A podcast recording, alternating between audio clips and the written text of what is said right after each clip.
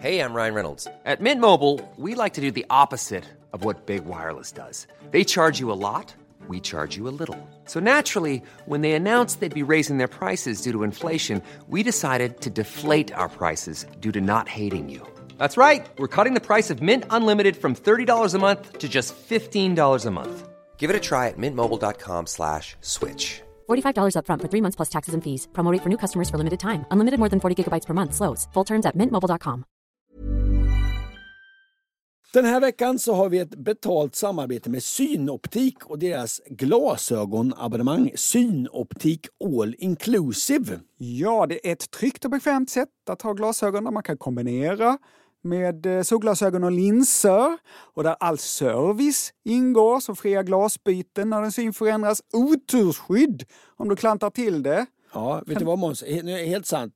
Bara i år har jag satt mig på två par glasögon. Då är det här något för dig. Dessutom får du möjlighet att byta ut ett par varje år. Så kan det ju vara lyxigt att ha solglasögon med styrka. Det har jag köpt i år redan ju. Och till och med såna här eh, med dynamiska glas, har du såna då? Nej. Där glaset blir mörka ute i solen Ja. och ljusa när man kommer in. Allt inkluderat i en fast månadskostnad från 90 kronor i månaden. Inga oförutsedda kostnader. Dessutom har de ett erbjudande. Du får alltid 30% på alla glasögon och solglasögon när du tecknar ett Synoptik All Inclusive. Läs mer och boka tid på synoptik.se. Fråga Anders och Måns.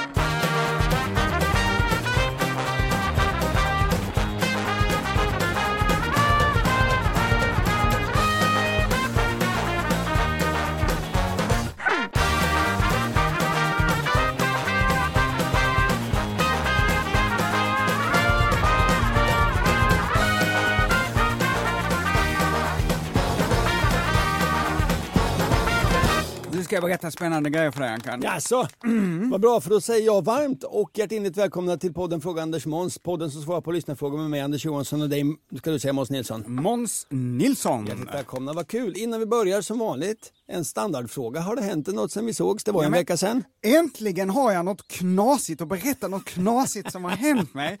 Jag är ju inte sån som glömmer nycklar i någon radiostudio och plötsligt ser en bäver. Och, Nej, nej. och nej. sånt där. Men nu har det hänt en grej. Ja, vad spännande. Ja. Jag lutar mig tillbaks, blickar ut över din nakna överkropp och eh, ska njuta av vad som har hänt dig. För några dagar sedan så kom jag upp på mitt garage. Jag hade ställt bilen. Jag är redan hooked. Och jag konkade på en stor låda från något eh, auktionshus, någon auktionsfirma. Ja. Gatan jag kom upp på är lång, lite sluttande och har parkerade bilar på båda sidorna och jag ska precis gå över när det kommer en bil rullande. Så långt inget konstigt. Nej. Men när jag kollar upp på föraren Mm. Så är där ingen förare. Ah, någon har glömt att dra åt handbromsen. Bilen är tom och då kanske du tänker Anders, åh en förarlös bil, coolt! Nej, det tänker jag inte. Men det var en Fiat 500, varken motorn eller strålkastarna var på. Den hade precis rullat förbi mig när jag insåg, helvete, det är någon som har glömt att dra åt handbromsen. Ja, ja, ja. Ja. Men du, eh, sprang du till undsättning? Det får du snart veta, bilen hade rullat ifrån sin parkering. Den kommer få upp farten, i bästa fall krocka in i en annan bil, i värsta fall köra, köra över ett gäng shoppinghöga danskar. Så då, då började jag springa efter bilen. Ja, fortfarande med det här enorma paketet i famnen, lyckades komma ikapp, kastade mig framför och försökte stoppa bilen med mina ben. Men, men varför kände du skulle ju försökt öppna dörren?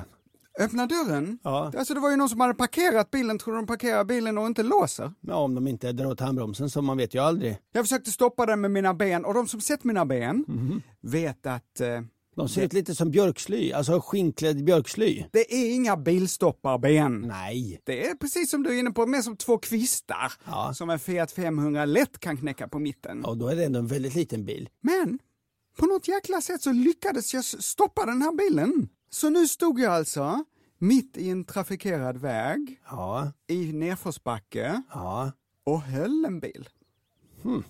Medan människor gick förbi. ja men då kunde du ropa på människor eller blev du sådär, sådär nej jag kan ju inte störa människor. När jag står där och håller den här bilen, håller mitt stora paket. Det jag gjorde var att jag fumlade upp min telefon och ringde polisen. Sa registreringsnumret då och de lovade att de skulle ringa ägaren till bilen. Eh, men det drog ut på tiden så till slut så, så eh, ropade jag på två personer som gick förbi. De hjälpte mig putta den här bilen in i en parkeringsplats. De hittade någon lastpall som vi la framför eh, framdäcken Ja. och så, på så sätt så säkrade vi upp den här bilen då. Och när jag gick därifrån så hade ägaren fortfarande inte kommit till platsen. Så du fick ingen belöning? Jag fick inget tack för mitt rådiga ingripande. Nej men det ska du få med en bra rådigt eh, agerat Måns. Tack så mycket Ankan. Ja. En applåd kanske? Tackar, tackar. Men jag var nojig då att eh, någon som gick förbi skulle tänka, vad är det där för lastpall? Den ska inte ligga där! Och ta lastpallen. Och att bilen skulle då rulla iväg igen. Ja. Men det är inte på mig. Ankan, vad har hänt dig sen sist? Ja, eh, gubbtecken. Vi pratar ofta om det dyker upp gubbtecken. Du pratar ofta om Ja, det. Jag nej. försöker hålla det tyst. Ja, jag försöker hålla mina Bara för gubbtecken något avsnitt, hemliga. avsnitt sen så pratade du om ditt nya intresse för kuriosa. Alltså antikvärldens skrufslåda. Just det. Jag har berättat att jag snarkar och att jag säger gubbiga saker. Nu har det tyvärr dykt upp en sak till. jag har nämligen alltid trott, eh, eller alltid de senaste åren har jag trott att jag eh, hickar. Men det har slagit mig, det är små rapar. eller slag, det har inte slagit mig. Det är min käresta som har gjort mig uppmärksam på att jag inte alls hickar utan att jag går och smårapar. Du vet Måns, när man var yngre man kunde liksom smälla en sån här Magnum Cola, sen leka dunken och hoppa stylta i tre timmar. Magen bara åkte upp och ner som någon slags eh, hiss på steroider. Ändå noll rapar. Nu, efter tre klunkar helt okolsyrat vatten, kroppen känner att jag måste tryckbalansera. Någonstans mellan mage och omvärld så skiljer det ett ojämlikt tryck. Och jag antar att det är ännu en muskel i kroppen som har blivit slapp. Och det är min gissning nu här då, det är Ja. att det är magmunnen Ja. som börjar bli trött. Bristfälligt. Nu ska vi inte prata om mina eventuella rapar utan vi ska svara på lyssnarfrågor. Det är det vi är satta att göra. Förströelse i form av frågor och svar. Vi kör igång. Fråga snabbla Anders och Mans.se. Vem kan svara på min fråga? Dagens första fråga kommer från Sofia och frågan kan framstå som lite så här, äh, vad dum. Men jag tycker faktiskt att den är ganska bra. Hej på er, skriver Sofia och tack för en rolig podd. Jag har funderat på varför man använder vatten för att släcka brinnande föremål. Ja, om jag låter knäpp i huvudet med min fundering, då gör jag väl det. Men låt mig förklara hur jag tänker. Vatten, alltså H2O, innehåller ju två stycken väteatomer och en syratom. Och när ett föremål brinner, alltså vi tar ett vedträ till exempel, så häller man vatten så att elden kräks. Kräks. Nej, kvävs. Alltså släcks eftersom syret försvinner. Varför? Man häller ju en massa väte och syre på den brinnande träbeten. Det är säkert något kemiskt som händer, men hur? Vänliga hälsningar, Sofia. Ja, nu ska jag då prata kemi och det är inte en rakt igenom bra idé. Eh, det, det är inte så att man ber Bert Karlsson föreläsa om etik. Kalle Moraeus han bör berätta om musik, inte om långdistanslöpning. Mig berätta om kemi, det är lite som att be dig berätta om hur man lagar mat. Just det. Det är en jättedålig idé, men jag ska göra mitt bästa. Först, man släcker inte eld med vatten främst för att det kväver elden. Vatten har i viss mån en kvävande effekt, men det är främst för att man tar bort vad då Måns? Syret. Nej, värmen! Alltså värmen, en av eldens tre förutsättningar. Kan du Måns eldens tre förutsättningar? Syre. Ja, Eh, ja, det måste ju ha något material som brinner ju såklart. Något, precis. något, Bränsle. Bränsle, Och det sista syre och kanske då värme. Ja. Precis, värme, bränsle, syre. Men det är ju fortfarande lite konstigt. Om man har värme och tillför då explosivt väte och brinnande syre. Det är ju inte en orimlig tanke att vattnet skulle kunna fatta eld, eller hur? Nej, Varför gör det inte det? för att de är så himla kära i varandra de Ja, där ja, ganska- atomerna det- så att de sitter ihop så hårt. Ja, det är ganska bra Måns.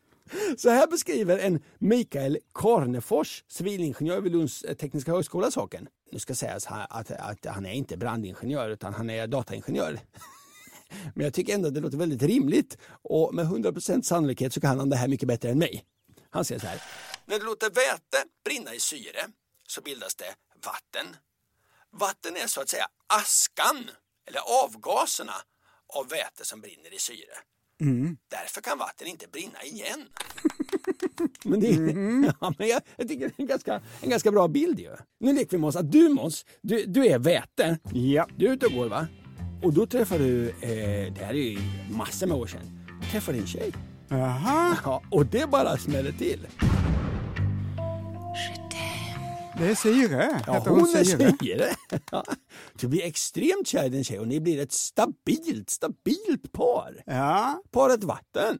Ni har nästan ingen energi. nej men det där kan jag relatera till. Men det krävs en jävla massa energi för att på något sätt försöka dela er. Just det, just det, just det. Bengt Norling han är docent i organisk kemi vid institutionen för teknikvetenskap vid Uppsala universitet.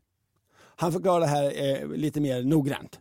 Vatten är den minst energirika föreningen som finns bestående av väte och syre. Okej. Du kan liksom inte kombi- kombinera väte och syre och få en, en molekyl som har mindre energi. Nej. Och för att få, få, få till en, en, en eld, då måste ett ämne gå från hög energi till låg energi. Eller hur? Om du tar kol, massa energi, eldar det i luften, då får du koldioxid, ingen energi. Samma sak, du eldar väte i luften, får vatten i nästan ingen energi. Mm, nej, nej, men du får en jävla massa energi på vägen från väte till i, vatten. I reaktionen. Det finns alltså ingen förening av väte och syre som har lägre energi. Och därför går det inte att få den att brinna. Då måste man först då eh, tillföra en jäkla massa energi och spjälka det här Mm. vattnet till eh, väte och syre och sen så kan man då elda de där beståndsdelarna. Då. Man försöker ju göra sådana här vätgasgrejer och så. Ja. Och det var ju länge ett problem att man skulle få fram väte så kostade det mer energi att få fram vätet. Än vad man får när man eldar ut. Ja, slutklämmen blev lite trist men, eh, men man kan säga att eh, vatten är lite som, eh, som du och din käresta Måns. Ett stabilt par med lite låg energi. Vi vandrar hand i hand vi två För vi är överens som få Trots att vi tillhör motsatt gäng och Nu Ankan kommer ett ämne som kanske kan göra dig lite obekväm.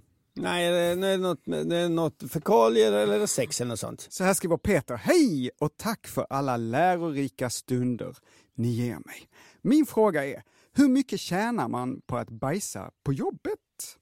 Med vänlig hälsning Peter PS. Ni Först kan ju och- gissa. först och- ni först kan och- ju gissa vad jag sitter och först skriver. främst, man bajsar inte på jobbet. Anders, du brukar inte bajsa på jobbet? Nej, Aldrig någonsin? nej, Hur var det under inspelningen av Bäst i test? Hur bajsade ni där? nej, inte där i alla fall. Ja, jag vet att det är lite känsligt för dig. När vi sitter och jobbar hela dagarna Mm. Så händer det att eh, du måste iväg och bajsa. Mm. Och vad gör du då? Sätter på musik. Då sätter du på hög musik så att jag inte ska höra plumsen. Ja, det gör jag. Du är den enda jag känner Mm. som har med dig en liten bluetooth-högtalare bara för att kunna täcka plumsen. Ja, nej, men det räcker. Jag vet att höra andra. Eh, eh, det- dels plumsen, men det absolut värsta är när jag hör folk låta så. det är så jävla äckligt. Det vill jag inte bjuda min omgivning på. Nej, hur bajsar de andra Bäst i test? Babben och David? Jag vet inte detta. Det är ingen som bajsar på jobbet. På mitt kontor är vi fem personer, Mhm. men vi har bara en toalett. Mm. Och dessutom har den väldigt dålig ventilation. Så om någon bajsar så märks det Mm. Hemma hos alltså, min i flera lägenhet. timmar. Min lägenhet jag har köpt. Mm. Alltså det är en av de bästa grejerna med lägenheten. Alltså om någon går in där två minuter senare, du märker det inte. Det är ett jäkla Så drag. jävla drag alltså. Mm. Kanon. Det är motsatsen till mitt kontor och därför undviker jag att bajsa på jobbet. Jag håller mig. Och när alla andra går hem klockan fem på kvällen, Då passar du på. hur är det där med att hålla sig från att bajsa? Din morsa har en teori, Anders. Jag tror hon faktiskt har läst det där till och med. Ja. Eh, Att man kan glömma det en gång. Att man kan hålla tillbaks det en gång. Ibland när man är bajsnödig så, så håller man tillbaka och sen glömmer man ju bort det. Kan det gå några timmar, sen kommer det igen. Då är det väldigt mycket svårare. Eh, Men det här var någonting som min morsa berättade för mig liksom i mitten på 90-talet. Jag, jag, jag, jag har in, det är all källa vi har. Jag är inte ensam om att hålla mig på jobbet. Så här skriver Sofia Ståhl i tidningen Femina. Mhm. Alltså det här är PT-Fia. Jag är så himla nyfiken. Hon som är ihop med Tarek nu. Exakt, jag är så Ja. nyfiken på hur det går för dem.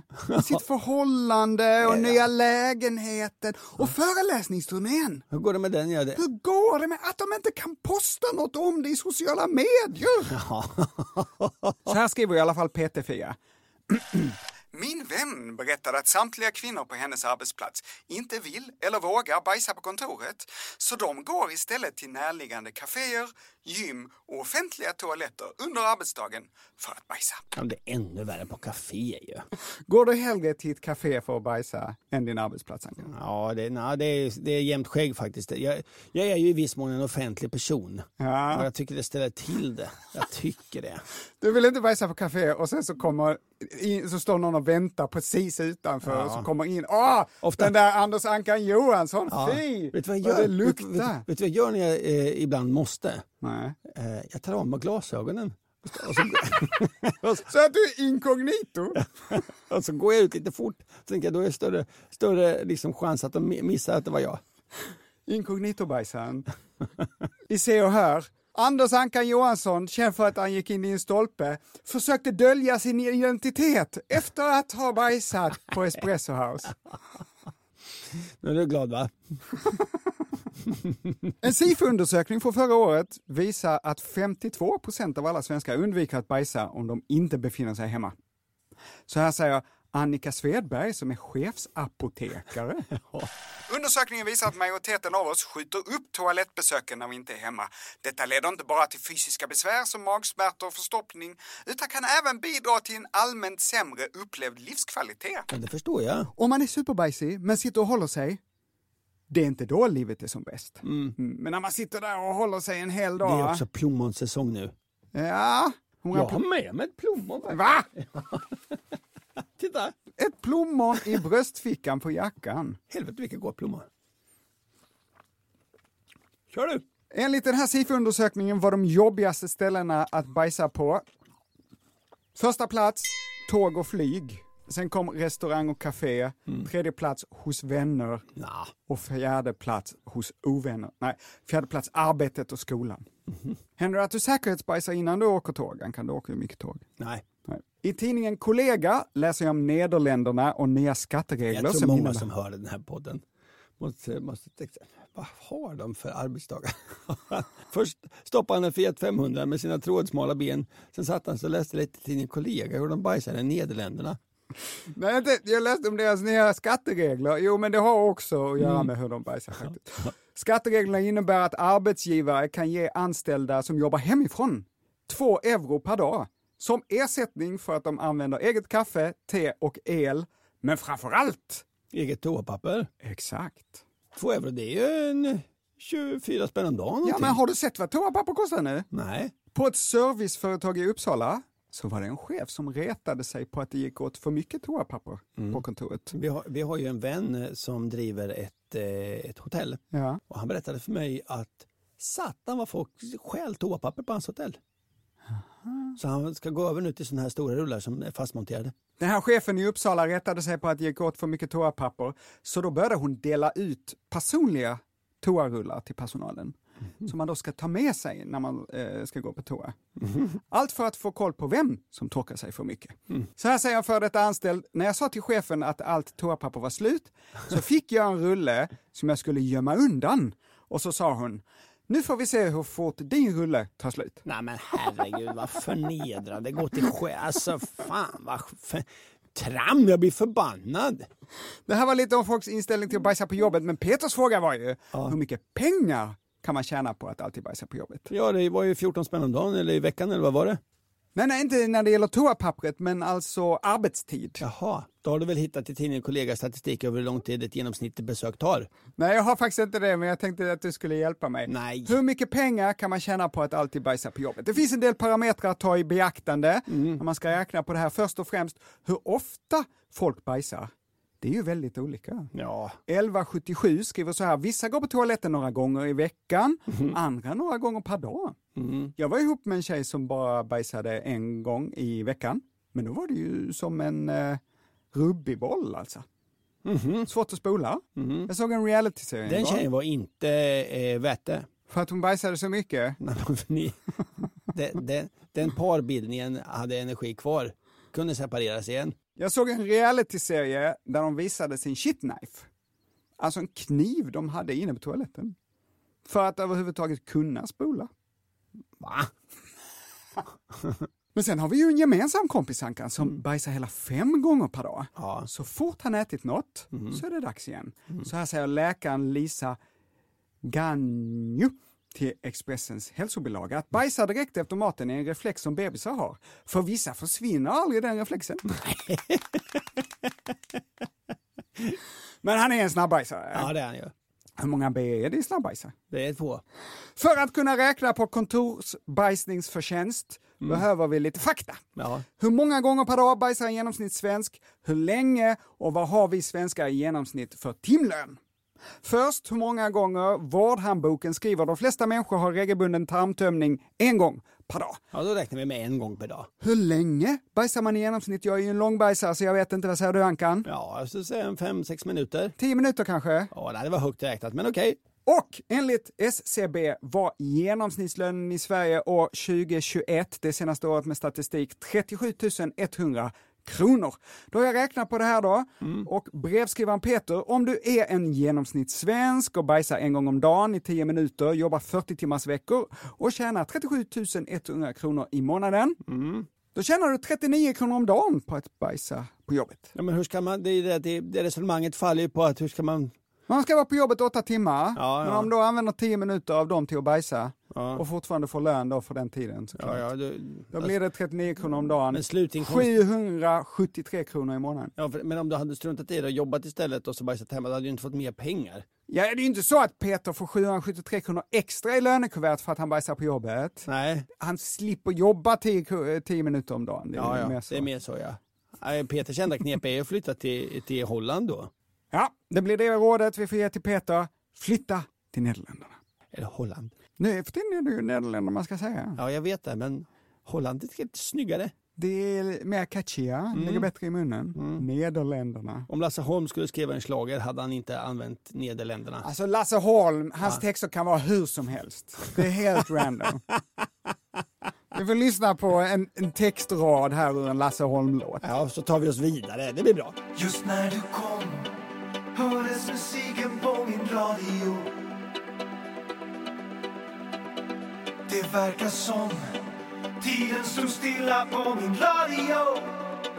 Hördes en sång och någon sa Festen är över men du och jag Allt vi behöver bara vara kvar. Vi har musiken på min radio. One size fits all seems like a good idea for clothes until you try them on. Same goes for healthcare. That's why United Healthcare offers flexible, budget friendly coverage for medical, vision, dental, and more. Learn more at uh1.com.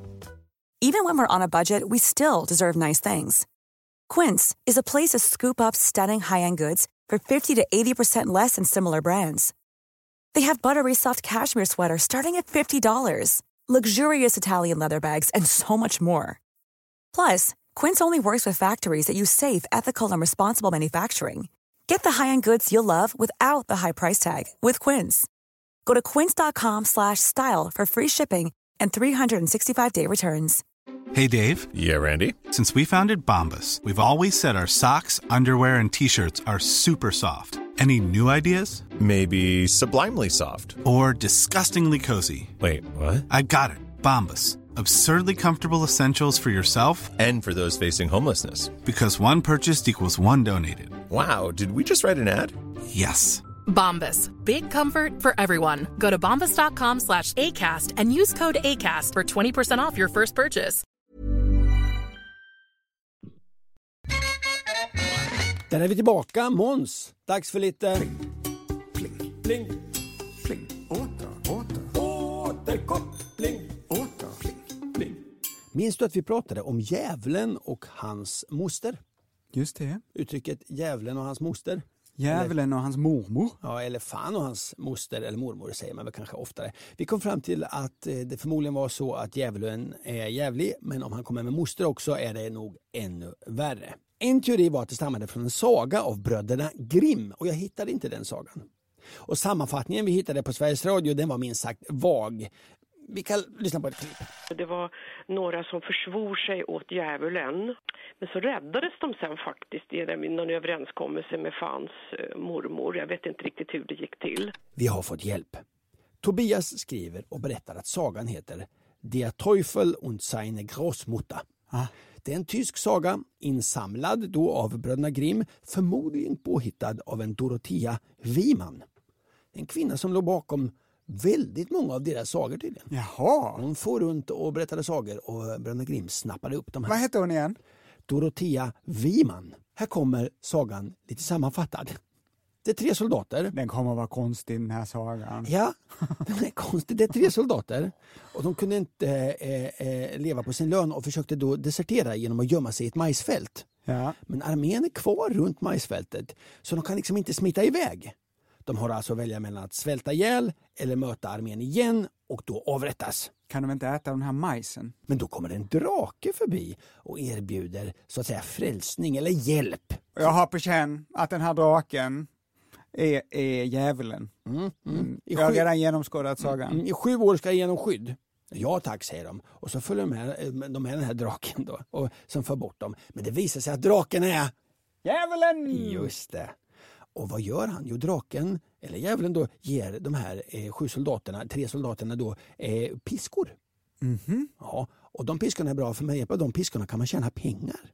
Hur då? då? Ja, jag vet inte riktigt. Men han säger också djävulen att efter sju år, när han har lovat att släppa dem, så kommer han inte göra det om de inte klarar svaret på en gåta han ska ställa till dem. Jaha. Sju år har gått och nu är de ju nervösa såklart. Gåtan närmar sig Måns. Värsta fadofora-vibben här. Ja, men då är det en gammal dam som dyker upp och ger dem rådet att gå ner till en stuga för att få hjälp. Och en soldat, han är inte så rädd av sig, han går ner och träffar då djävulens mormor. Och mormor tycker soldaten är lite trevlig och gömmer honom i källaren. Och så kommer djävulen hem och då ställer den här mormor lite frågor. Bor djävulen hos sin mormor? Ja, han kommer förbi i alla fall. Och hälsar på? Snäll Ja, ändå. ja, ja, ja.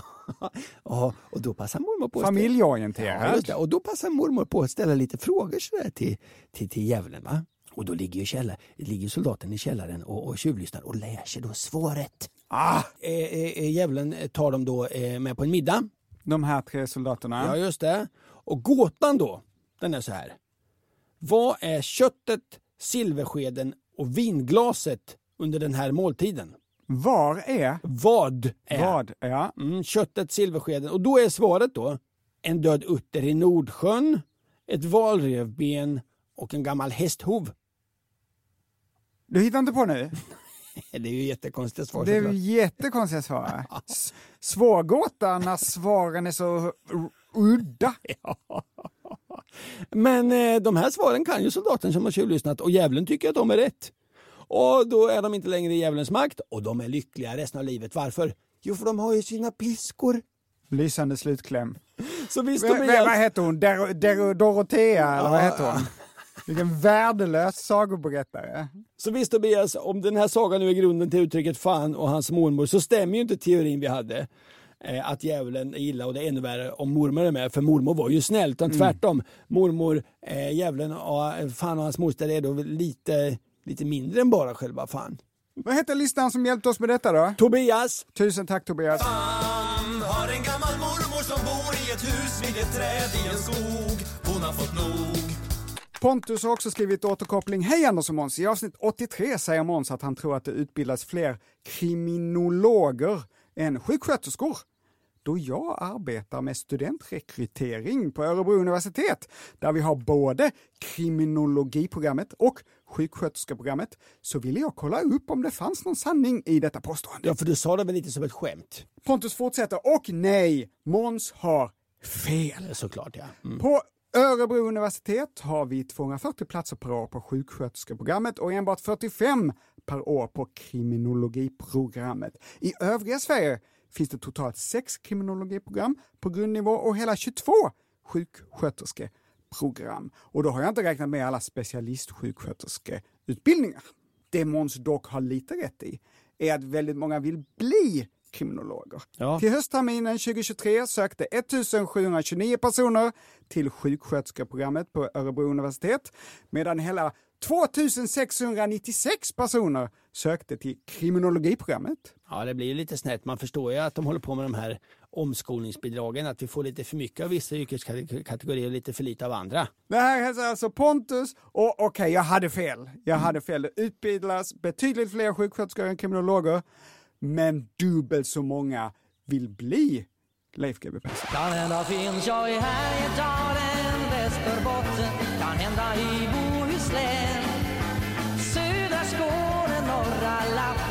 kvittar vart det bär. Halland, Dalsland, Uppland, Småland, de kan söka mig. Var som helst där jag kan få en chans att glömma dig. Om en liten stund ska vi få svaret på den otroligt rafflande tävlingen. Vilket är svenskans fulaste ord? Ja, ni har verkligen varit engagerade och röstat i den här tävlingen. Men först ska det handla om något helt annat. Hej Anders och Måns. Jag undrar ganska många saker. Exempelvis det här. Jag undrar om getingar kan känna ånger. Alltså typ en millisekund innan de dör när de ser flugsmällan komma farande så snabbt att de inte hinner flyga iväg. Tänker de då, fan, jag skulle inte ha satt mig på till exempel den här korven. Vad tror ni? Martin. Och jag har läst på, eh, eh, men hur, hur, det ligger till med det här, det var inte själva frågan, utan frågan var ju, vad tror vi? Mm. Så om vi börjar med dig Måns, vad tror du? Tror du getingar kan känna ånger? Nej. Själv tror jag inte heller att de känner ånger. Jag tror getingar är lite som dokusåpa-deltagare på 00-talet, alltså de ångrar inget. De sa det, sån är jag. Ja. Och det, det, tror jag är lite dåligt. Man får ta mig eh, som jag är. Ja, jag ångrar inget. Om man vill ha mig när jag är som bäst får man stå ut med mig när jag är som sämst. Jag tror inte det är så bra. Och om man har misstag eller med flit råkar vara till exempel dum i huvudet, då är det väl inte så dumt att titta på sig själv och känna, det där ångrar jag.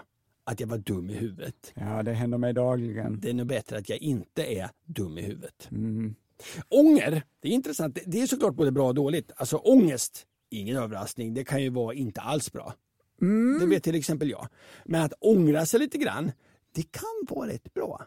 En Simon Kjaga, han är överläkare i psykiatri. Han förklarar för doktor.se att vi ägnar i genomsnitt 110 timmar om året för att, eh, på att ångra saker. Ja, det är lågt räknat tycker jag.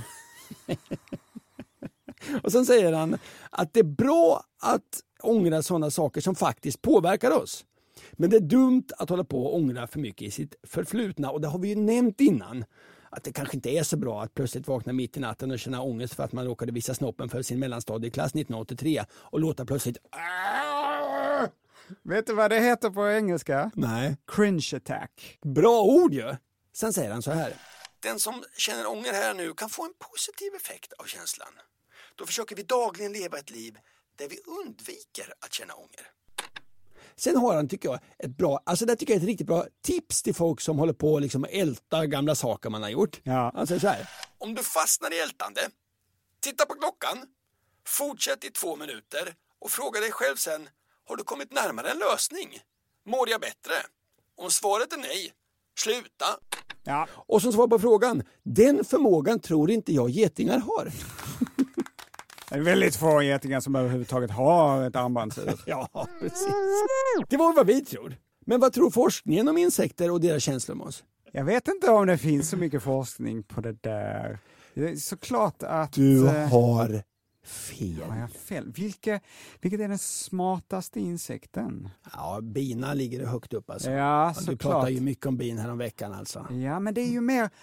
Man pratar om the hive mind. Alltså att Att kupan tillsammans, att samhället tillsammans är intelligent. Men att de enskilda bina kanske inte är så jäkla smarta. Ja, nu pratar vi kanske inte om intelligens utan mer om känslor. Vi har ju gått igenom tidigare att många djur, eh, många fler djur än man trodde förr, har olika typer av liksom, känslor. Däggdjur såklart, men även fåglar, reptiler och fiskar. Eh, det är bara det att fiskar de har så stela ansikten och så taskigt språk så vi, vi fattar inte det. Och nu skojar jag lite, men det är inte omöjligt att vi har trott fel om varelser som har svårt att kommunicera när vi gissar vad vi tror att de känner. Det här kommer du inte tro på Måns. Men fram till 80-talet så fattade man inte att nyfödda barn kan känna smärta. Nej, jag känner till detta. Fruktansvärt. Alltså när jag läste det tänkte jag det här kan väl fan inte stämma. Jag, googlat, jag har hittat det på flera ställen. Scientific America, Discover Magazine, eh, Vetenskap och hälsa och Läkartidningen. SVT 2019 skriver så här. Fram till 80-talet genomfördes operationer och kirurgiska ingrepp på nyfödda helt utan bedövning och smärtlindring. Jag opererades som nyfödd, Mm. min magmun. Jag tror att detta har gett mig är, inte bara på kroppen, Mm. utan även mentalt. Ja, vi är fan födda på 70-talet. Ja! De opererade oss som vi behövde utan någon jävla smärtlindring. Man trodde att eh, barnens skrik eh, inte var skrik av smärta utan någon form av jävla reflex. Ja. Inte klokt ju! Jag är så jävla glad att jag inte behövde operera hjärtat när jag var liksom spä, spädis. Men nu pratar vi ju inte om spädbarn, vi pratar ju om insekter Måns. Per Jensen, han är professor i etologi på Linköpings universitet, etologi, läran om djurs eh, beteende. Han berättar att kycklingar leker. Det är ju intressant. Man äter eh, chicken nuggets lite mindre gärna när man vet att de också leker. Ja men det gör väl alla, alla, alla ungar, alla djurungar leker väl, eh, de övar inför jakten som vuxna genom att leka med varandra. Ky- eller? eh, höns, vad är det för jakt de ägnar sig åt? Exakt. Vi har tidigare pratat om en amerikansk studie som visar att fiskar känner igen sig själva i en spegel eller på ett fotografi. Det är helt fantastiskt. Och nu närmar vi oss svaret på Martins fråga. För sen berättar den här etologen då Per. I slutet av förra året kom det första beviset på att insekter leker. Det är forskare vid ett brittiskt universitet som har filmat humlor som rullade på olika färgglada små kulor. Utan att det finns någon praktisk eh, Ja, leker med funktion med detta, utan de bara gör det för skojs skull. Nya studier har visat att bin, som du pratade så mycket om, inte bara kan dansa utan också kan ha abstrakta begreppsbildningar. Alltså de kan lära sig en bild av en triangel och att det i slutet på den finns föda och sen eh, väljer de alltid trianglar när de är ute och flyger. Det visar inte på något sätt att bin kan känna ånger. Att de kan känna igen trianglar i naturen. Nej. Ja, det är svårt det här. eh, Det är svårt liksom vad insekter känner. Det, det är väldigt svårt att besvara. Jag, jag tänker att insekter är lite som danskar på en middagsbjudning. Man fattar liksom inte vad de säger. Det är svårt att veta vad de känner. Men, jag kommer ett citat från etologen. Men på något sätt finns det någon slags humlelycka tror jag. Och då också kanske känna ånger, säger jag. Ja, det är ju jag igen då. Nu, nu var det du ja. Ja, ja. Du blandar, Jag blandar den ett- forskarens ja, åsikt och dina egna gissningar. Ja, etologen sa att han tror kanske att det kan finnas någon slags humlelycka och då säger jag, ja, säger jag då, då kanske det kan finnas någon slags lite ångest också hos dem. Men det är väldigt roligt att försöka läsa om det här, för tvärt emot vad du sa så finns det ganska mycket studier där olika forskare försöker lista ut vad insekter känner. Det är mycket små kryp som är filmade i slow motion i olika miljöer, det är sockerlag och det är former. Och så kommer man fram till saker som att kackerlackor har personligheter. Har man kommit fram till. Ja, en studie på bananflugor visar att de kan känna någon enkel, enkel form av oro. Men oro och ångest, det är lite förknippat. Det är väldigt angränsande mm. begrepp, eller hur? Om man ska ha någon form av medvetande överhuvudtaget, vad behöver man då Måns? Mm, en hjärna. Rätt svar precis. Maneter. De har bara någon form av nervtrådar i någon form av nät. De har inget medvetande. Maneter kan inte känna ånger. Det är återigen jag som säger, men det, det, det tror jag. Insekter har ett centralt nervsystem. Det är lite utspritt i kroppen bara, men de har ändå ett centralt nervsystem. Nu ska vi inte tänka för stort här. Det är nog inte så att insekter ältar gamla misstag, oroar sig, oroar sig för taket på sommarstugan eller känner avund på kollegans kanske längre ben eller större muskler. Flugor ångrar inte att de blev för fulla på gårdsfesten 2004. Gräshoppan, varför satt jag och spelade där? Jag tog för mycket plats. Folk tyckte säkert jag var störig. Ja, så, så är det nog inte. En människa har 100 miljarder nervceller. 100 miljarder, det är alltså lika mycket som 100 miljarder vänsterskor. Herregud. En jävla massa Vilken vänsterskor. bild man fick upp. En bananfluga har 100 000 totalt. Ja, det är väldigt mycket mindre. Ja, ja. En myra 250 000, en, ett honungsbi 950 000. Så att eh, eh, människan, vi har ju bättre förutsättningar att och, och, och ångra grejer. Mm. Scientific American har en lång artikel om just humlors känslor. Men de har ju betalvägg. Har du kunnat läsa artikeln? Den är från 2016 den här studien och det är lite svårt att hänga med men jag tycker att den är festlig. Eh, var med mig nu Måns. En biolog som heter Clint Perry från Queen Mary University of London.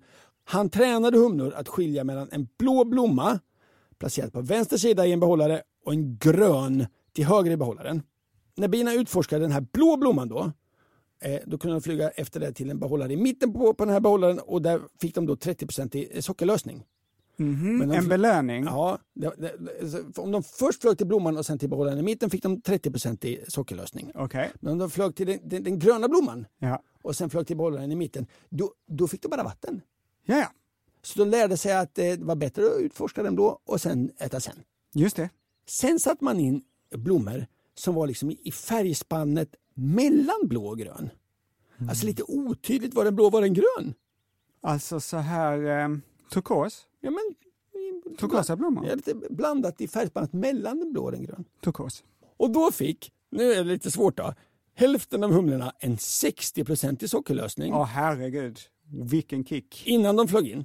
Ja, innan de flög in? Och, och, och hälften av humlorna ingen sockerlösning. Ja. Och då flög de humlorna med 60 i sockerlösning mycket snabbare till de här blommorna i färgspannet mellan. För att de hade energi? Inte så konstigt tänker du, de hade väl massa socker i kroppen? Ja, ja, ja. Nej, forskarna tror att de var på gott humör. Alltså att socker, sockret gjorde dem liksom inte snabba utan sockret gjorde dem glada och optimistiska. Ja, ja. och för att kolla om det här handlar liksom om någon form av liksom enkel positivitet, eh, att de inte bara var liksom snabbare för att de hade mer socker i kroppen, så testade man att också sätta in blommor i helt, helt nya färger, det var gula och gröna. Ja. Då flög alla humlorna lika långsamt. Jag förstod inte alls det här. Jo, jo. Alltså, Men hade de fått 60 procent Ja, i ja. socker? och några i vatten, ingenting så. Nej. Men eh, om det var liksom, eh, de var liksom, de, eh, den, där är nog blå, den där är nog lite blå och då var de som hade fått socker liksom mer positivt laddade. Och Vad lär man sig av det då? Att, att liksom sockret gjorde dem inte fysiskt snabbare utan liksom eh, mer positivt inställda. Idag finns det socker att hämta i de blåa blommorna. Jag sticker dit direkt. Ja, precis. Och de som inte fått socker, de kände, ja jag åker väl Det är inte lönt, det är knappt lönt. Okej, jag s- jag åker fram till blomman Ja, och den är ju kollar inte blå den där. Den Nej. jag vet inte. Ja. Att humlor helt enkelt kunde vara på gott humör. Hmm. Vad var frågan? Kan ett bi känna ånger innan det mosas av en flugsmälla? En Eh, geting? Det korta svaret, nej det vet man inte. Den lite längre sammanfattningen, om humlor kan leka och vara positiva, bananflugor känner oro så är det inte omöjligt att bin känner något när flugsmällan närmar sig. Och bara för att djur inte är så bra på att kommunicera så kanske de känner saker. Som spädbarn, de skriker för att de har ont. Det lärde man sig på 80-talet.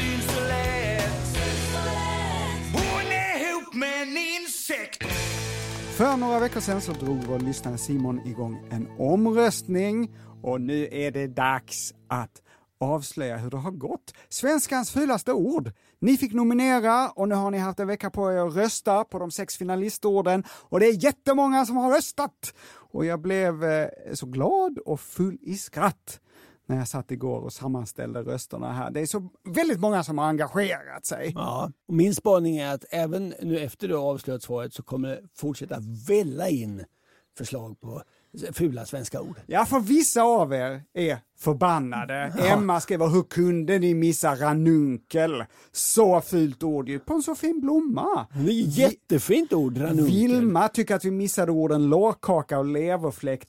Tommy tycker vi missade ordet fistel och Frans magkatarr. Ja, jag håller med, Tommy Fistel är fan inte fint alltså. Fredrik skriver, det finns en klar vinnare av denna tävling. Ordet används inte så ofta, men det finns ett medicinskt verktyg som heter sårslev. Och Oskar skriver, varför tog inte yoghurt sig in på topp 6?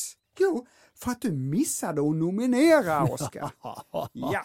Anders, kommer du ihåg finalistfältet? Vilka Eh. sex ord som står i startblocken inför denna rafflande Ja, final? eh, några av dem kommer jag ihåg. Eh, fjol.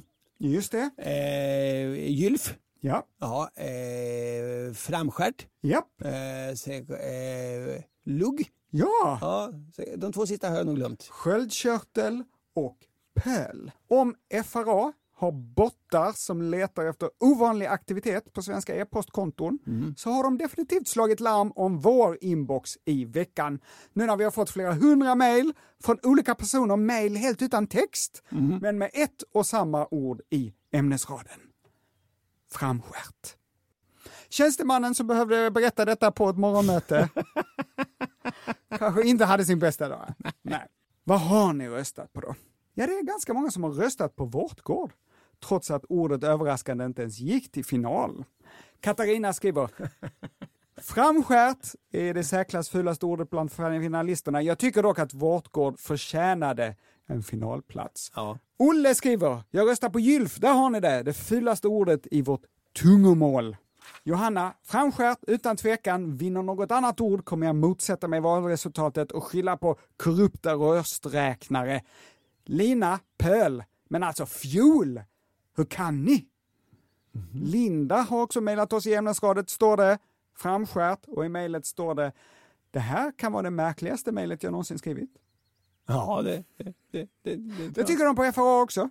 Okej, då ska jag inte hålla er på halster längre. Vilket är svenskans fulaste ord? Det är dags att avslöja förloraren. På tredje plats, tredje platsen är delad faktiskt, mellan två ord med exakt lika många röster. Ska vi ha någon trumvirvel eller vad ska vi ha? Ja, någon fanfar På tredjeplatsen så tar vi någon slags, eh, någon slags bara eh, djurljud bara, sen kommer det här. Tredje plats, gylf och pöl. På andra plats, svenskans fulaste ord, fjol. Och på första plats, vårt absolut fulaste ord. Här kommer virveln. Vilket tror du det är, Ankaran? Framskärt. Framskärt! Ja, ja, En klar vinnare! ja. Framskärt har fått sju gånger så många röster som tvåan fjol. ja. och fler röster än alla de andra orden tillsammans. Mm. Så det är verkligen en värdig vinnare. Förlorare. Förlorare. Framskärt har med bred marginal nu utsetts till svenskans fulaste ord. Jag tycker det är intressant att det engagerar sig mycket för jag tycker framskärt, jag, det är inte, jag tycker det är ett ganska trevligt ord. Alltså så här i eftervalsanalysen så kan jag konstatera att det framförallt är kvinnor som röstat på framskärt. Ja, ja. Eller i alla fall personer med namn som traditionellt förknippas med kvinnlig könsidentitet. Ja. Hela 79 procent av dem som tycker att framskärt är svenskans fulaste ord är kvinnor. Och jag hade kanske inte heller varit så nöjd om en av mina kroppsdelar kallades för framtarm. Eller framsvans. Nej, Vad säger du Ankan? nej, häng, hängtarm. Hängtarmen. Ja. Men där hade jag också röstat, röstat mot. Ja, ja. det, det har ett intressant eh, könsperspektiv här. Bara en enda person har röstat på sköldkörtel. Ja. Det var Josefin. Så det ordet hade kanske inte i finalfältet att göra överhuvudtaget. Orden, de fula orden.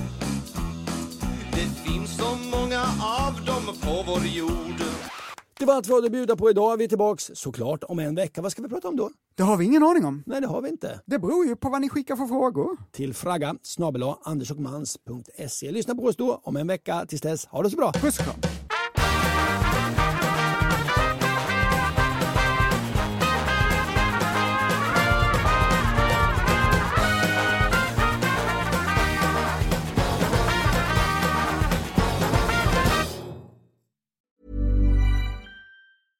Hey, it's Paige DeSorbo from Giggly Squad. High quality fashion without the price tag. Say hello to Quince.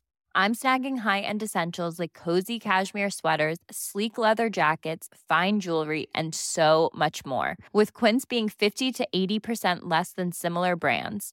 And they partner with factories that prioritize safe, ethical, and responsible manufacturing. I love that. Luxury quality within reach. Go to quince.com slash style to get free shipping and 365 day returns on your next order. Quince.com slash style.